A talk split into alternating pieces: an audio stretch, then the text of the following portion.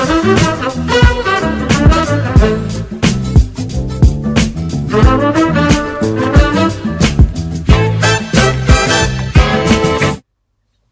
datang di Lini Podcast, ngobrol lebih dekat seputar gaya hidup sehat. Di episode spesial bulan Ramadan kali ini, mari mengenal lebih dekat mengenai puasa dan juga manfaatnya bagi kesehatan.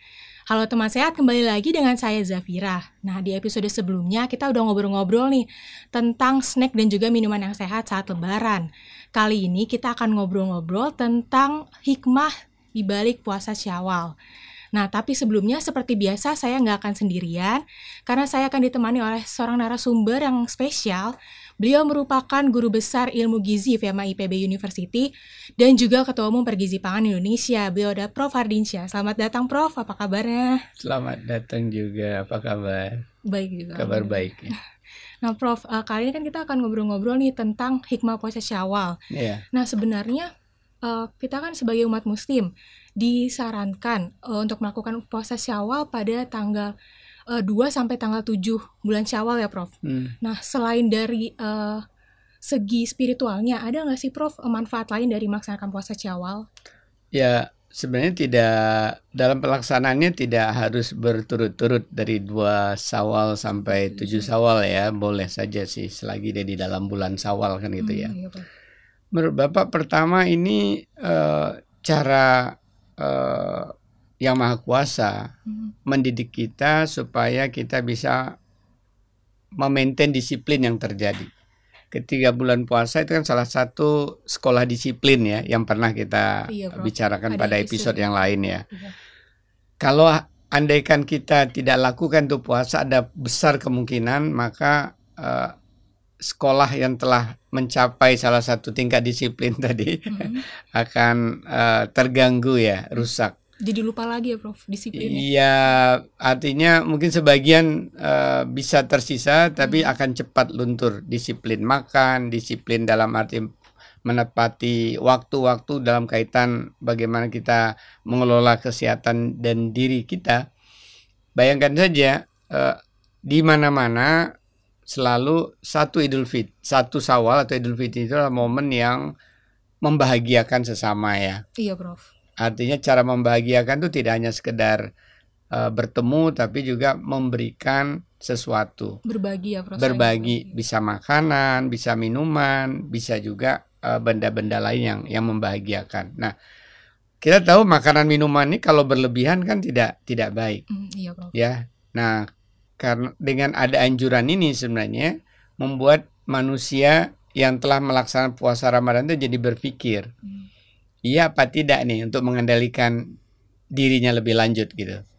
Jadi kalau iya, maka ini momen memang momen untuk kita tetap bisa melanjutkan kedisiplinan kita, meskipun caranya bisa aja juga ini menunjukkan bahwa sebenarnya latihan untuk puasa Senin Kamis. Oke. Kan enam hari itu bisa aja tiga minggu kan, Iya.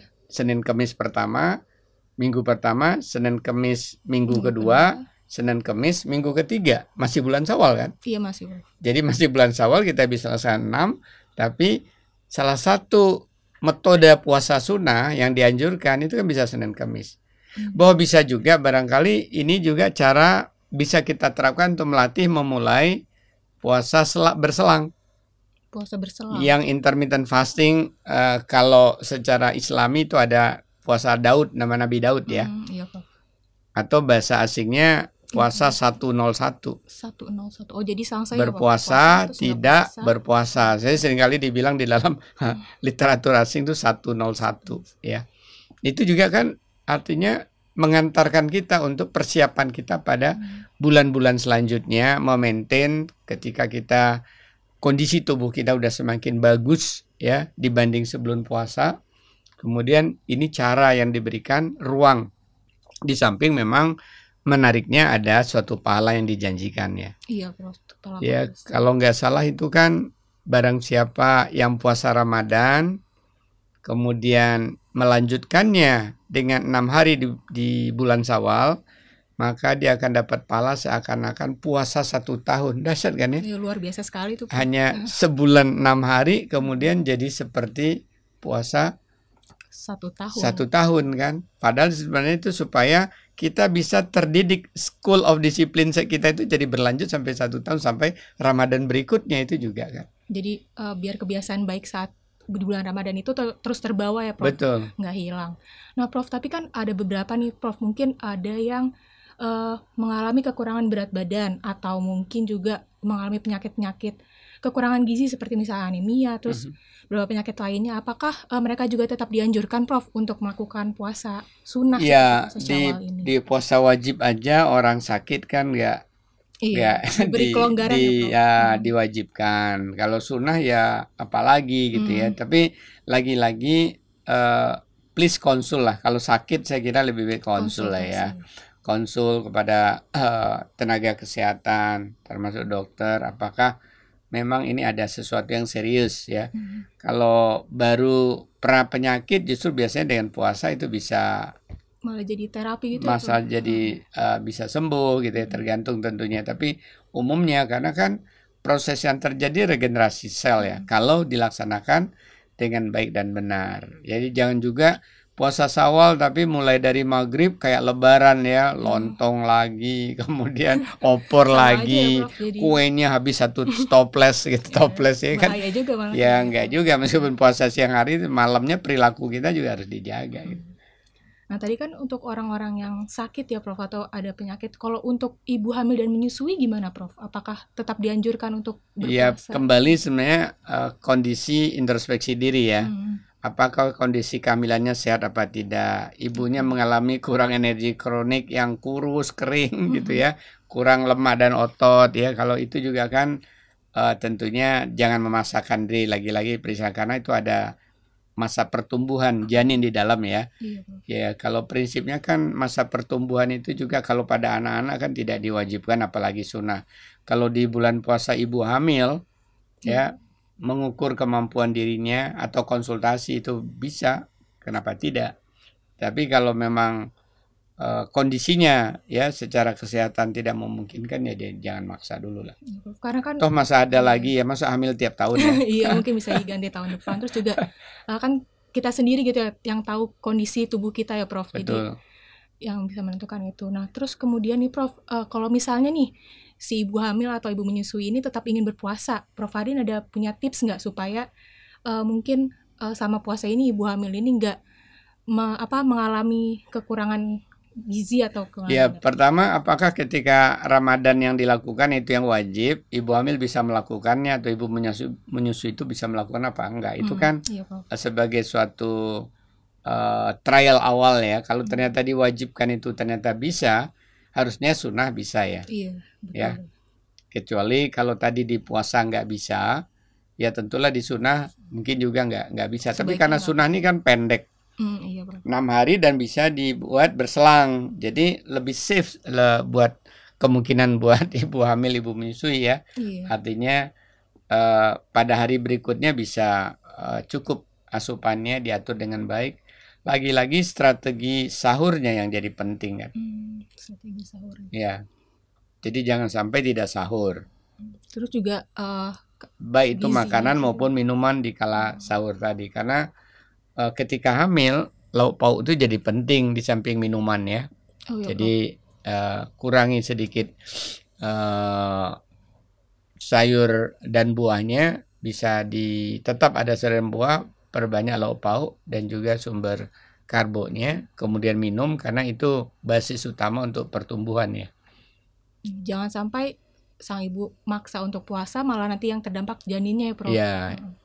Seperti itu. Nah kemudian Prof, uh, tadi kan untuk uh, ibu hamil dan juga orang-orang yang uh, ada penyakit gitu Prof. Kalau misalnya yang kita lagi sehat-sehat aja nih Prof, ada tips khusus nggak nih perbedaan kalau misalnya sedang menjalankan puasa Syawal dan puasa Ramadan gitu? Ya pertama introspeksi diri ya, tergantung uh, kalau tubuh kurus sekali ingin melaksanakan puasa sawal ini ya tolong makan malamnya lebih ter tertib diperhatikan ya. E, baik itu makan malam maupun sahurnya karena berarti perlu pencadangan energi lebih baik ya. Bahkan bisa upayakan bisa meningkatkan berat badan kalau tadi kekurangan hmm, gizi ya. Tapi kalau tadi kita introspeksi diri ya kalau di Linisehat ada cek status gizi Oh ya. .linisehat.com ya. Teman bisa. saya bisa tuh cek langsung ke websitenya Prof. Ya, bisa dia di sana apakah gizi. kita itu gemuk atau kurus atau normal. Nah, kalau gemuk ini justru dimanfaatkan sekaligus dibalik cari pahala bisa berat badan. mengendalikan lemak tubuh gitu ya. Jadi tentunya pengaturannya akan berbeda ya. Justru saya sarankan kalau yang terakhir ini sahurnya sedikit aja, bisa seperempat sampai setengah dari eh, sarapan yang biasa ya. Kalau perlu hanya makan eh, apa kurma dengan satu snack ataupun buah ya sudah memadai kalau kita tadi ingin memang mengurangi kurang lebih 25% dari kebutuhan harian kita. Ya katakan kalau kebutuhan harian kita biasanya tiga piring ya, Hmm, iya. udah ada lauknya nasinya. Nah sekarang kalau kita kurangi 25% berarti hampir setengah uh, piringnya Hmm, di- iya. dikurangi gitu kan ya. Dan itu lebih baik lagi pada sahur. Sehingga cepat terjadi uh, kondisi kurang uh, dari asupan gizi, maka cadangan kita lemak tadi mulai digunakan oleh tubuh setelah sekian jam kita berpuasa. Jadi sebenarnya semua kembali lagi terhadap kondisi tubuh kita ya, Prof. Iya. Nah, Nah, nggak kerasa nih, Prof. Kita sudah sampai ada di akhir episode kali ini. Ya. Nah, mungkin eh, ada yang ingin disampaikan, Prof, eh, ke teman sehat, dipersilahkan untuk. Ya, eh, Kak Zafira ngajak eh, saya untuk diskusi, ngobrol-ngobrol tentang bagaimana kita eh, hikmah puasa Sawal yang secara eh, spiritual itu dianjurkan enam hari di bulan Sawal. Bulan Sawal itu adalah bulan setelah Ramadan ya, untuk melaksanakan eh, ibadah sunnah puasa yang tidak termasuk satu Sawal. Jadi satu Idul Fitri itu hari bahagia, hari Lebaran. Silakan kita menikmati makanan tidak terlalu berlebihan. Kemudian merancang puasa sawal ini bisa secara beruntun. Mulai dua sawal sampai eh, tujuh sawal bisa juga kita jadikan proses belajar memulai lagi intermittent fasting Senin Kemis atau puasa sunnah Senin Kemis kalian dapat pahala gitu ya sekaligus untuk pengaturan kedisiplinan yang sudah kita bangun, kondisi kesehatan tubuh yang sudah kita bangun selama sebulan Ramadan bisa kita pertahankan. Atau bisa juga ya puasa eh, Nabi Daud, ala Nabi Daud itu kan sehari puasa, sehari tidak, sehari puasa, sehari tidak. Itu juga bisa dilakukan. Prinsipnya sama saja melakukan puasanya ya, ada berbukanya, ada makan malamnya, ada sahurnya ya. Dan untuk sahur lagi-lagi tergantung tujuannya tadi. Tujuan kita ingin menambah berat badan dan otot tentunya harus juga sesuai dengan latihan fisik siang hari tapi cukup minum supaya nggak dahaga sekali. Atau tujuan kita justru ingin mengurangi lemak tubuh akan berbeda. Nah ini perlu konsultasi lebih lanjut kalau ingin tahu status gizinya seperti apa bisa dilihat ya di Google saja dari laptopnya ataupun dari HP-nya cek status gizi.linisehat.com itu bisa ngecek status gizi secara cepat di sana. Terima kasih. Nah, terima kasih banyak Prof atas eh, bincang-bincangnya kali ini. Semoga eh, apa yang disampaikan Prof Hardin bisa bermanfaat bagi kita semua. Terima kasih kepada teman sehat yang masih setia menemani kita sampai akhir. Jangan lupa eh, untuk nantikan episode selanjutnya hanya di YouTube channel ini sehat dan juga di Spotify. Besok kita akan membahas tentang eh, mempertahankan berat badan setelah lebaran. Nah, buat kamu yang tadi ingin eh, memeriksa cek status gizi kamu bisa juga untuk langsung segera eh, mengunjungi website Lini Sehat di cek statusgizi.linisehat.com. Sampai jumpa di episode berikutnya. Tetap tetap terapkan protokol kesehatan dan jaga kesehatan. Sampai jumpa.